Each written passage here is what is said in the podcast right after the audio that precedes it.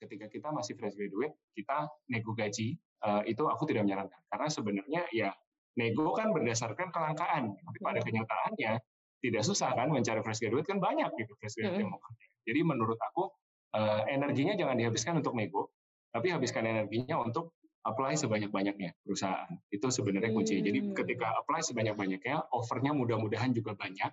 Jadi kamu punya pilihan. Nah kalau memang kepingin cari gaji yang paling gede, nanti dari offer itu pilih yang gaji paling besar. Gitu. Seberapa besar sih korelasi antara pindah kerja, peningkatan karir, dan cuan? Artinya adalah apakah memang orang tuh pindah kerja memang untuk meningkatkan karir plus juga atau hanya semata-mata untuk nambahin gaji aja gitu, naikin gaji? Sama halnya dengan job market, kamu juga harus lihat kamu ada di market yang seperti apa. Kamu nih barang langka atau bukan. Baru berikutnya bicara kenaikan gaji bisa berapa. Cuap-cuap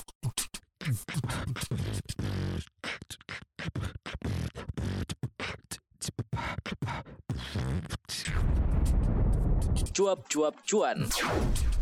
Halo Sobat Cuan, selamat datang di podcast Cuap-Cuap Cuan. Dan kali ini bersama gue Maria Katarina di segmen interview. Kita selalu membahas hal-hal yang menarik. Dan kali ini kita akan bahas tema yang sangat menarik Yaitu faktor X kesuksesan karir dan juga keuangan Nah ini menarik untuk kita bahas karena kan biasanya kalau ganti tahun di tahun 2022 ini atau ganti tahun uh, baru biasanya selalu ada resolusi baru ya apa pindah kerja apa mau nambah skill baru atau mau uh, menambah lagi kesibukan baru. Nah, itu biasanya masuk ke dalam resolusi. Tapi kira-kira sudahkah sobat cuan men-screening apa-apa saja yang harus diperhatikan dan untuk sobat cuan nih yang mungkin baru masuk ke dunia kerja di tahun 2022 ini sudah mempersiapkan hal yang penting atau belum? Nah, kita akan bahas kali ini menarik sekali karena saya di sini sudah bersama dengan Samuel Ray, HR profesional dan konten creator. Aku sering nonton kontennya. Hai, Kak Samuel. Hai Maria, apa kabar? Baik. Ih, seneng banget loh Sobat Cuan. Terutama aku sih, karena aku sering banget nonton uh, kontennya di Youtube. Karena seru, uh, penyampaiannya juga asik banget. Dan selalu kayak based on pengalaman pribadi gak sih? Berusaha sharing dari apa yang udah kita alamin ya, biar relatable sama teman-teman.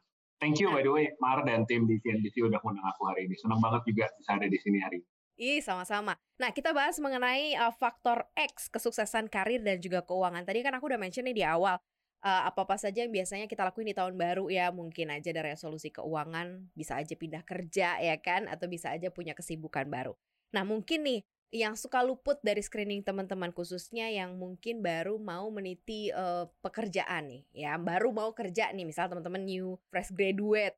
Biasanya kan uh, maunya udahlah yang penting lulus habis itu kerja. Jadi apa aja? Jadi kayak ya udah gitu ya ditawar berapa aja ya udah yang penting kerja aja dulu. Nah sebenarnya kalau kita nih starting awal ketika kita mau memulai sesuatu taruhlah itu kerjaan ya apa sih yang harus diperhatikan oleh para pencari kerja misalnya based on dari oke okay, gue lulusan administrasi ya udah gue carinya sekitar sekitar situ aja atau misalnya hmm. gue lulusan ekonomi atau lulusan perbankan ya ke bank aja misalnya ngelamarnya nih apa apa aja sih yang harus diperhatiin nih kak Samuel? Oke, okay.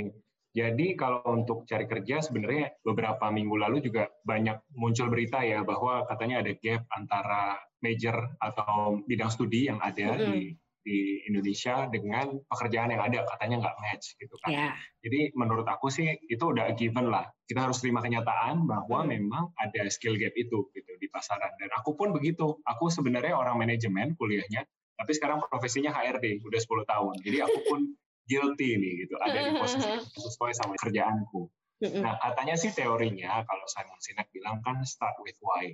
Jadi kita harus cari dulu uh, why atau purpose kita cari kerja mm -hmm. tuh mau buat apa sih gitu apakah memang ada minatan tertentu atau uh, apa ya orang mungkin dulu bilangnya passion ya passion tertentu dalam satu bidang nah passion itu muncul dari banyak hal sih bisa dari sesuatu yang kita minati mm-hmm. bisa dari misalkan ada orang-orang yang dekat dengan kita misalkan keluarga atau mm-hmm. uh, paman atau anti yang berprofesi tersebut misalkan kita punya keluarga orang bang semua atau punya yeah, yeah, yeah. mau nggak mau kan jadi kayak terinspirasi gitu kan mm-hmm. dari situ nah jadi menurut aku uh, secara teori bisa lah ya kita mulai dengan passion itu. Nah, terus hmm. tapi gimana dong apa yang terjadi kalau uh, passion kita ternyata nggak cocok dengan kenyataan dengan hmm. apa yang ada di market gitu kan. Hmm, hmm, nah, another thing yang aku suka mention buat teman-teman job seeker adalah cari kerja itu nggak jauh berbeda dengan kita sales pitch. Jadi kalau teman-teman mungkin punya pengalaman ya dapat telepon dari call center uh, menjual asuransi atau menjual uh, apa pun gitu ya produk kartu kredit produk, gitu ya kartu kredit misalkan mm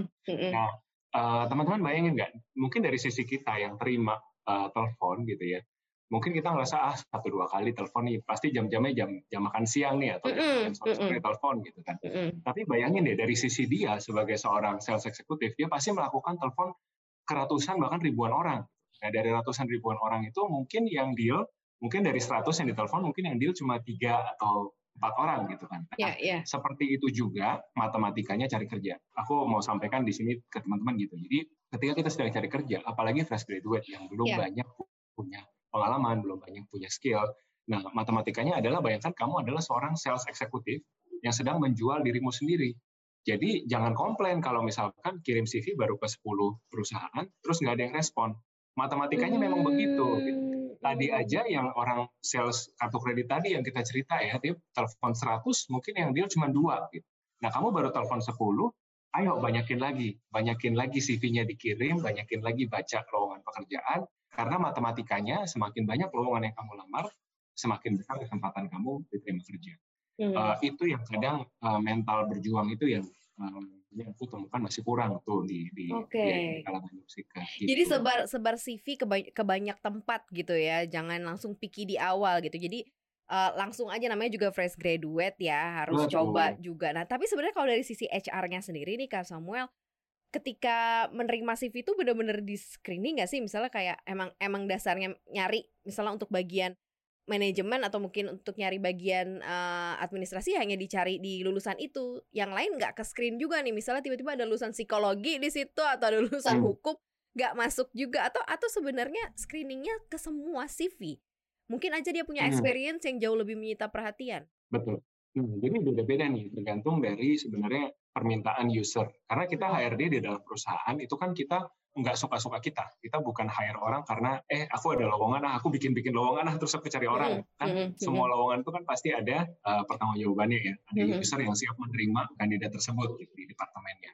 Nah jadi setiap user juga punya preferensi yang berbeda-beda. Dan kadang-kadang memang sangat diskriminatif. Ada ada oh. user yang bilang aku cuma mau lulusan dari kampus tertentu. Ah, disebut gitu ya. Iya, iya, iya.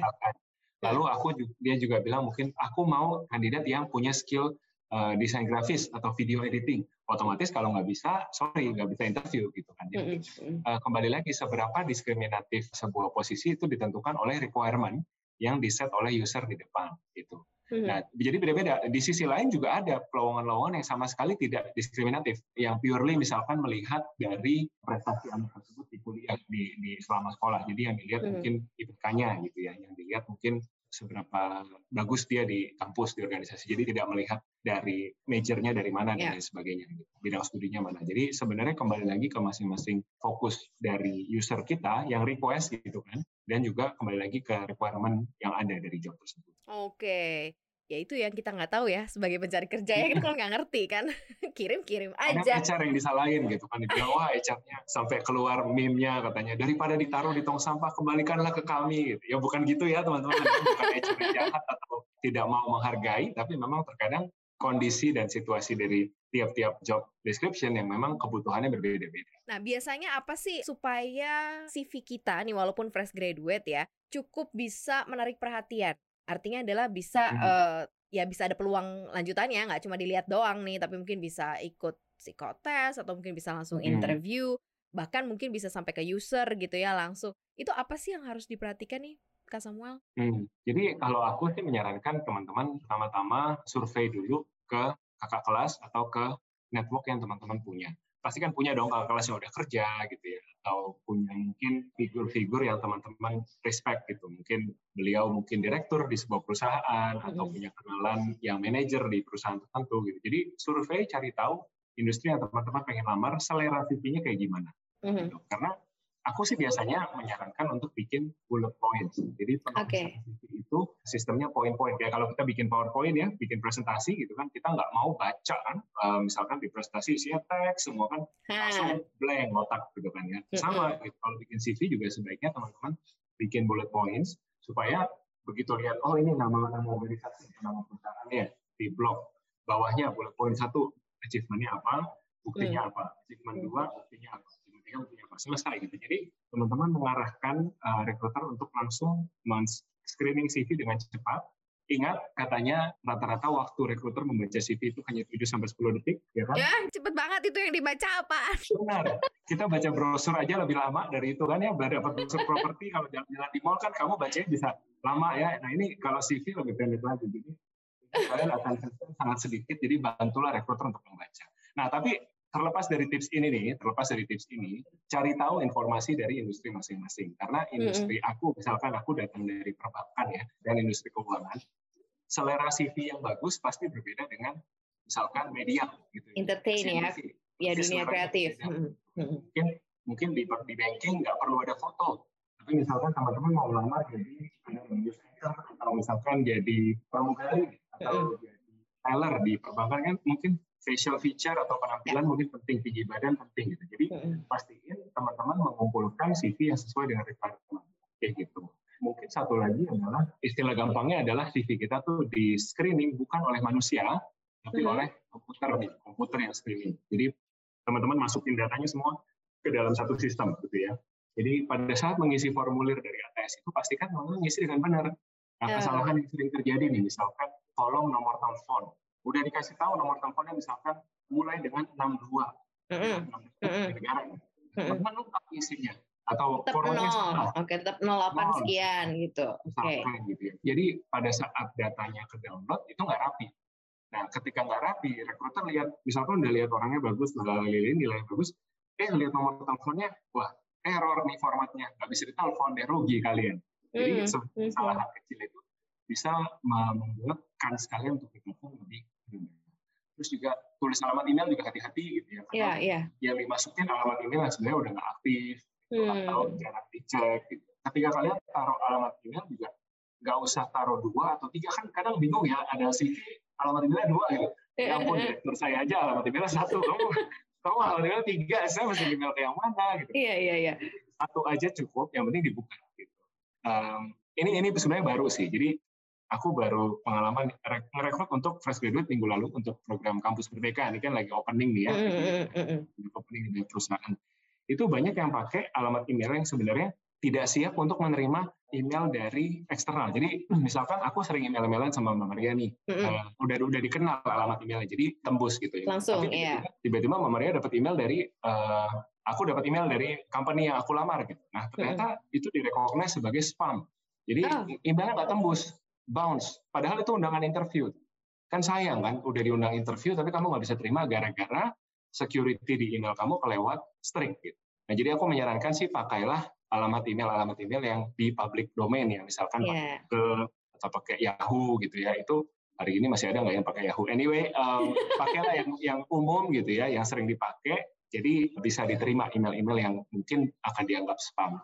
Mm -hmm. Itu mungkin beberapa tips and tricks itu menarik ya sobat cuan. Emang itu suka kejadian dan banyak kejadian juga sampai sekarang ya. Apalagi zaman sekarang nih masa-masa nyari kerjanya agak susah karena kondisi pandemi. Itu kan dari sisi HR nih uh, kak Samuel. Setelah melalui tahap-tahap misalnya udah lolos nih dari HR screening CV-nya oke okay, terus ternyata anaknya di psikotes oke okay, terus uh, interview. Nah ini kan jadi berbalik nih ini jadi kepada pencari kerja dong ya hmm. udah dapat udah masuk terus kan tinggal deal-dealan harga nih istilahnya ya kan hmm. biasanya ada tips tertentu bukan tips ya maksudnya apa sih yang harus jadi perkiraan apakah hmm. UMR misalnya gaji kan pasti akan end up-nya digaji jadi kamu akan kerjain hmm. ini gaji kamu akan sekian ketika hmm. pada saat itu kan fresh graduate kesalahan terbesarnya biasanya langsung iya maksudnya uh, ya udah terima aja gitu kan. Yang penting hmm. pengalaman dulu nih. Kata pengalaman yang penting, yang penting kerja yang penting pengalaman daripada nganggur nggak ngapa-ngapain. Apakah memang begitu? Uh, ataukah memang kita sebagai pencari kerja tuh sebaiknya harus memikirkan hal-hal yang lain gitu supaya kerjanya bisa long last gitu kan? Jangan nanti berapa bulan resign gitu Iya. Apa sih ini yang harus menjadi apa bagiannya partnya pencari kerja nih kalau udah sampai ke step nego-negoan gaji? Jadi aku uh, mungkin kita zoom in ke kontrak kali ya supaya mm-hmm. pembahasannya lebih lebih gampang. Yeah. Di negara Indonesia kalau untuk kontrak kerja itu biasanya ada dua jenis kontrak, itu PKWT (perjanjian kerja waktu tertentu) mm-hmm. atau bahasa awamnya orang bilang ini aku pegawai kontrak nih. Yeah. Kontrakkan cuma setahun kontraknya atau dua tahun kontraknya itu. Mm-hmm. Itu PKWT atau satu lagi PKWTT, Perjanjian Kerja Waktu Tidak Tertentu. Nah, hmm. kalau yang ini bahasa awamnya aku karyawan permanen. gitu. Jadi hmm. tidak akan habis kontraknya kecuali aku memutuskan resign atau aku dipecat sama perusahaan gitu. Jadi biasanya ada dua jenis kontrak ini kalau teman-teman bekerja. Nah, ya memang pada saat nego gaji teman-teman nantinya akan diminta untuk menandatangani kontrak. Pastikan teman-teman baca judul kontraknya apa. Jadi hmm. kelihatan harusnya ini adalah perjanjian kerja waktu tertentu hmm. antara PT ABCD dengan Samuel Ray. Pasti nanti hmm. ada di halaman pertimbangannya. Hmm. Nah, hati-hati kalau tidak jelas gitu. Hati-hati kalau misalkan judulnya ternyata bukan perjanjian kerja tapi perjanjian apa misalkan perjanjian kemitraan atau perjanjian yang lain gitu ya. Oh. Karena hubungan yang diberikan itu berbeda tuh, tidak tidak tercover tuh dalam undang-undang. Bukan bukan ilegal ya, bukan yeah, yeah, bukan yeah. perusahaan tersebut ilegal, tapi hubungan yang ditawarkan bukan hubungan kerja, tapi hubungan kemitraan. Karena ada juga yang seperti itu. Nah, setelah teman-teman uh, tentunya di dalam kontrak itu juga harus tertulis di mana teman-teman bekerja, kemudian jam kerjanya dari jam berapa sampai jam berapa, kemudian kompensasi yang diberikan apa saja selain daripada gaji, ada juga nanti asuransi, ada juga nanti benefit-benefit lain, ya. misalkan tunjangan gitu ya, harusnya semuanya tercantum di situ dengan jelas. Jadi apa ya, mungkin bottom line baca dulu tenang-tenang gitu. Jangan benar tadi yang Mbak Maria bilang, jangan langsung semangat karena udah dapat kontrak, terus lupa segala-galanya langsung halaman terakhir buka tanda tangan gitu ya. Karena ingat teman-teman sudah dewasa, sudah punya KTP semua, berarti di mata hukum nggak ada istilah saya baru fresh grade di mata hukum kamu dan saya sama-sama orang dewasa. Kalau udah tanda tangan artinya harus siap bertanggung jawab menanggung konsekuensinya, apalagi tanda tangan di atas waktu. Hmm. Itu, itu mungkin kalau dari sisi kontrak. Nah, tapi kalau dari sisi nego gaji, aku prinsipnya gini, kalau kamu fresh graduate, kita tuh nggak punya leverage. Gitu. Kita iya. nggak yeah. punya daya saing sebenarnya kalau kita fresh graduate. Paling yang kita bisa banggain apa sih? Oh, oke, okay, jaket kampus gua warna apa gitu kan misalkan gitu ya. Itu mungkin yang bisa kita banggain. Uh, eh, IPK, tapi kalau jaketnya menterang tapi IPK-nya di bawah tiga gitu kan agak yeah. susah juga ngomongnya.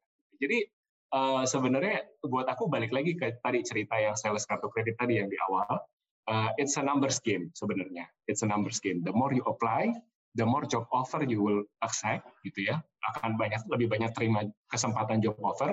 Nah dari situ kalian bisa pilih sebenarnya. Kalau aku pokoknya hanya kacamata kuda mau lihat gaji yang paling gede gitu ya misalkan.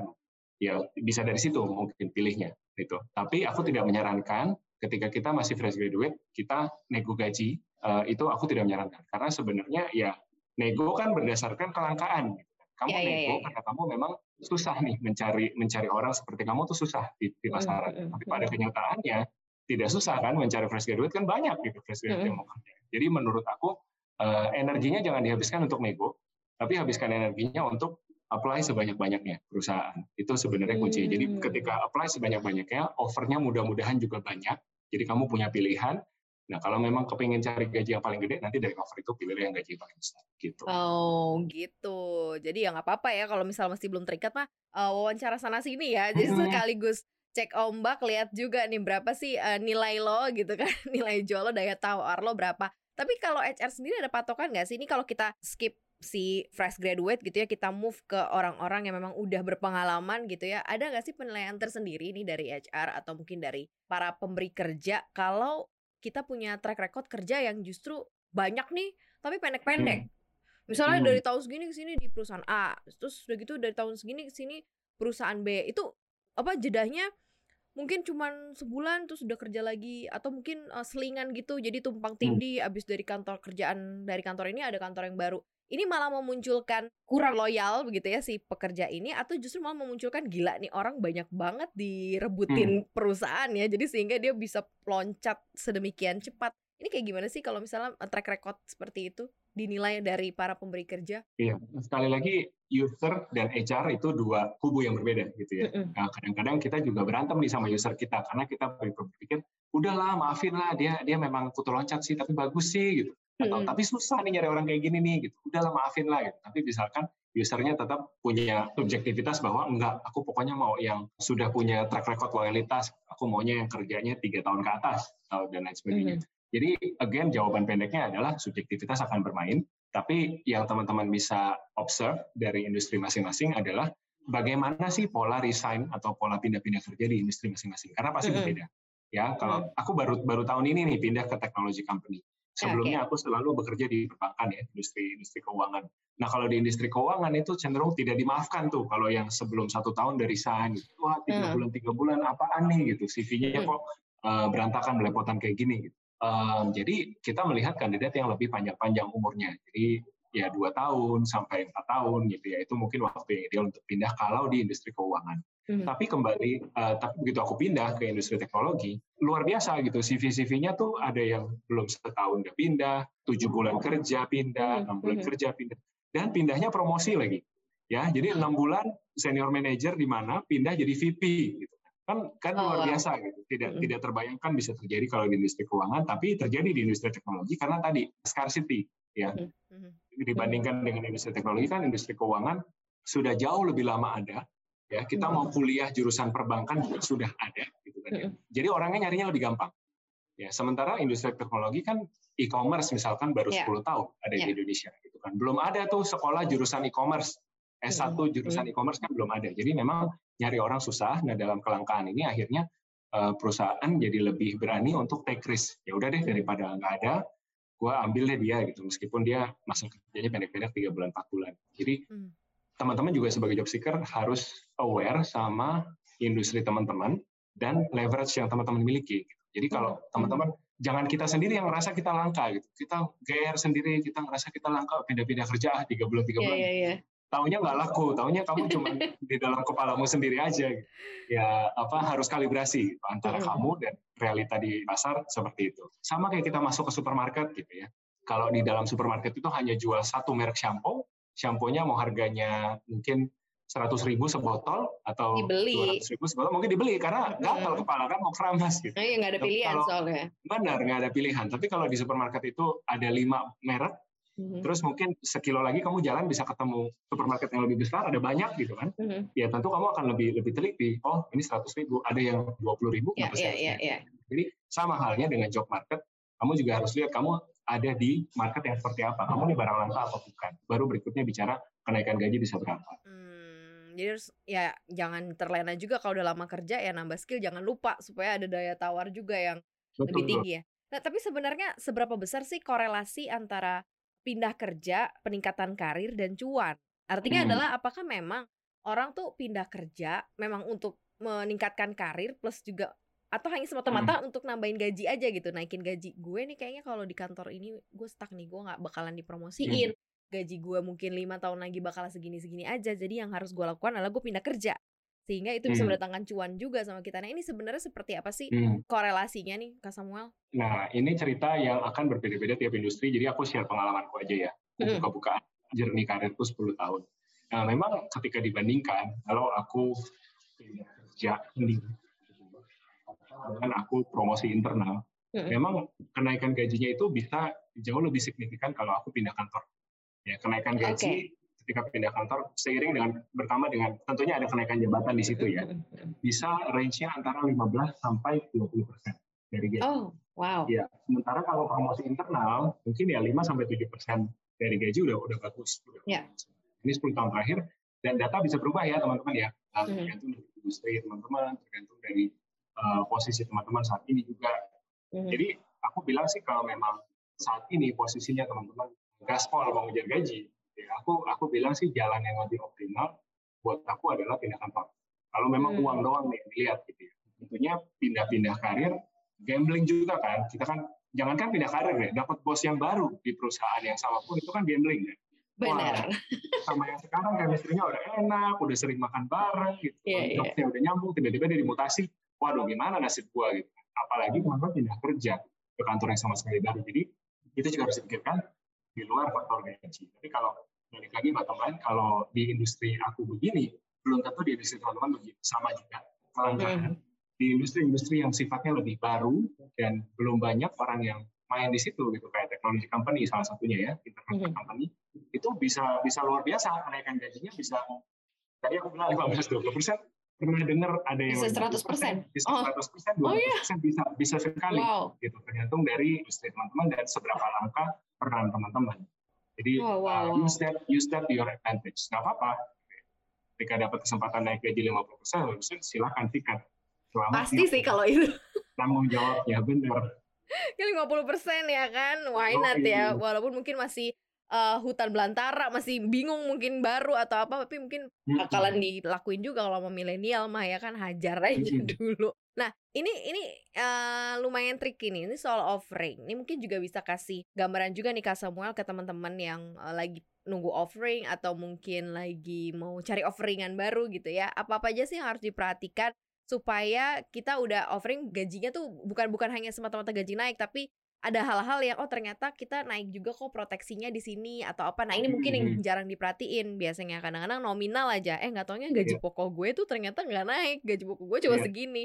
Ternyata yang bawah-bawahnya gitu. Apakah memang kita harus dahulukan yang pokok ini sehingga kalaupun yang terjadi nanti tunjangan dihapus pokok gue aman atau kayak gimana nih Kak Samuel? Ya, benar, benar. Jadi tadi kamarnya bilang benar banget komponen gaji itu ada dua ya biasanya ada yang fix sama ada yang variabel. Jadi fix itu artinya nggak hujan nggak panas company untung atau rugi kamu pasti dapat dibayar segitu. Sementara yang variabel itu ya variabel tergantung dari kondisi uh, dan mungkin dalam beberapa pada beberapa perusahaan yang tergantung bos hari itu gitu. Jadi uh, itu harus dipertimbangkan tuh. Yeah. Ketika teman-teman dapat offer seharusnya offer itu disampaikan apa pertama-tama mungkin ada offer lisan ya disampaikan lewat telepon tapi juga ada beberapa perusahaan yang uh, mengizinkan teman-teman membaca offer letternya sebelum joining. Kalau di, dikasih kesempatan untuk baca, izin juga boleh nggak saya foto. Kalau kalau boleh difoto, siapa tahu teman-teman bisa bawa pulang dokumennya untuk di baca, uh, bandingkan lagi, dibaca hmm. ulang lagi. Tapi kalau nggak boleh, uh, misalkan hanya via telepon, dicatat, benar-benar dicatat dan bacakan ulang ke rekruter untuk memastikan tidak salah dijelaskan. Mm -hmm. Itu um, ketika kita nyebutin angkanya, sebutkan dengan jelas. Kemudian ketika dijelaskan medical benefit, tanyakan dengan jelas apakah ini hanya untuk saya saja atau juga untuk pasangan dan anak-anak misalkan. Yeah. Yeah. Itu juga penting. Lalu tadi juga terkait dengan bonus-bonus uh, atau uh, reward yang sifatnya variabel, pahami betul kondisinya apa sih ketika saya saya biar biar saya bisa dapat yang variable income ini misalkan bonus insentif penjualan misalkan. Yeah. Nah, HRD nggak selalu bisa jelasin jadi kalau teman-teman dikasih offer sama HRD, mungkin bisa ambil waktu lagi untuk tanya sama user kan. Pasti interview kan ketemu user juga. Mungkin Betul. di situ tukeran nomor handphone. Hmm. nah bisa tanya pak boleh nggak saya telepon bapak? Nanya lebih jelas tentang insentif skema insentif yang di yang dijelaskan HRD karena saya hari ini dapat telepon dari ibu ABC gitu ya untuk jelaskan offernya. Saya mau tanya lebih lanjut. Jadi boleh gitu. Itu boleh dilakukan. Uh, teman-teman justru harus tanya sedetail-detailnya dan selengkap-lengkapnya. Meskipun sebel ya mungkin HRD-nya terdengar sebel atau gimana, biarin aja kan ini kan kehidupan gue mungkin setahun yeah, tahun yeah. lagi gitu. harus benar, tanya benar. harus tanya dan dan pastiin semuanya di, dijawab dengan jelas another thing juga yang mungkin nggak semua HRD bisa hitungkan adalah berapa net salary-nya jadi kalau hmm. ditawarkan biasanya jarang company menawarkan net ya uh, aku tahu banyak perusahaan Jepang biasanya yang uh, berani kasih angka net netnya segini jadi pajaknya meskipun nanti uh, berubah tetap ditanggung perusahaan nanti netnya uh, kamu terima segini tapi mayoritas perusahaan biasanya memberikan offer dalam basisnya gross gitu. Oh, nah, kita harus okay. pelajari itu karena ya pajak kan progresif ya semakin tinggi hmm. pajak eh sorry semakin tinggi penghasilan pajak semakin tinggi pajak iya betul jadi teman teman-teman bisa googling tuh banyak uh, informasi tentang kalkulator gaji atau kalkulator hmm. net net gaji misalkan itu teman-teman bisa hitung dapetin formulanya. Nah uh, jadi teman-teman bisa dapat bayangan kira-kira pokok gajinya berapa. Mungkin itu kira-kira bisa diperhatiin. Ini menarik nih kalau misalnya mau ditambahin lagi bisa panjang nih bahasan kita. Karena banyak hal yang uh, kadang-kadang kita nggak tahu dan nggak diajarin soalnya kan di sekolahan kan bagaimana caranya tips and trick menghadapi interview kerja dan lain-lain gitu ya untuk bisa mendapatkan benefit juga untuk diri kita. Tapi ini udah cukup banyak dirangkum ini buat Sobat Cuan. Thank you banget Kak Samuel udah mau berbagi ya. Dan pastinya nih Sobat Cuan kalau pengen tahu lagi lebih detail seputar uh, apa pun nih pembahasan begitu ya hal-hal yang memang Sobat Cuan pengen tahu bisa langsung aja lihat ke Instagramnya Kak Samuel nih bisa langsung di @srl789 bener ya Kak Samuel ya dan ya. langsung aja masuk juga ke YouTube-nya Kak Samuel nih, Samuel dan Claudia. Di situ banyak banget uh, pencerahan-pencerahan mungkin yang sobat cuan bisa dapetin sehingga kita uh, apa ya, jadi punya amunisi nih sebelum melakukan sesuatu. Karena semuanya based on true story ya, based on experience. Thank you banget ya. Kak Samuel udah berbagi di cuap-cuap cuan. Makasih banget ya. Sukses thank ya Kak Samuel. Sukses dan juga. Thank you banget ya Sobat Cuan juga udah dengerin podcast kali ini dan thank you banget juga untuk Sobat Cuan yang sudah selalu setia mendengarkan podcast Cuap Cuan. Jangan lupa untuk dengerin kita juga di Spotify, Apple Podcast, Google Podcast dan juga Anchor. Jangan lupa follow Instagram kita di @cuap_cuan Kita juga punya YouTube, Cuap-Cuap Cuan. Boleh subscribe, like, dan share sebanyak-banyaknya biar kita tuh punya banyak amunisi untuk bikin konten-konten yang menarik. Thank you banget Sobat Cuan. Terima kasih. Terus saksikan kita ya. Maria Katarina pamit. Bye.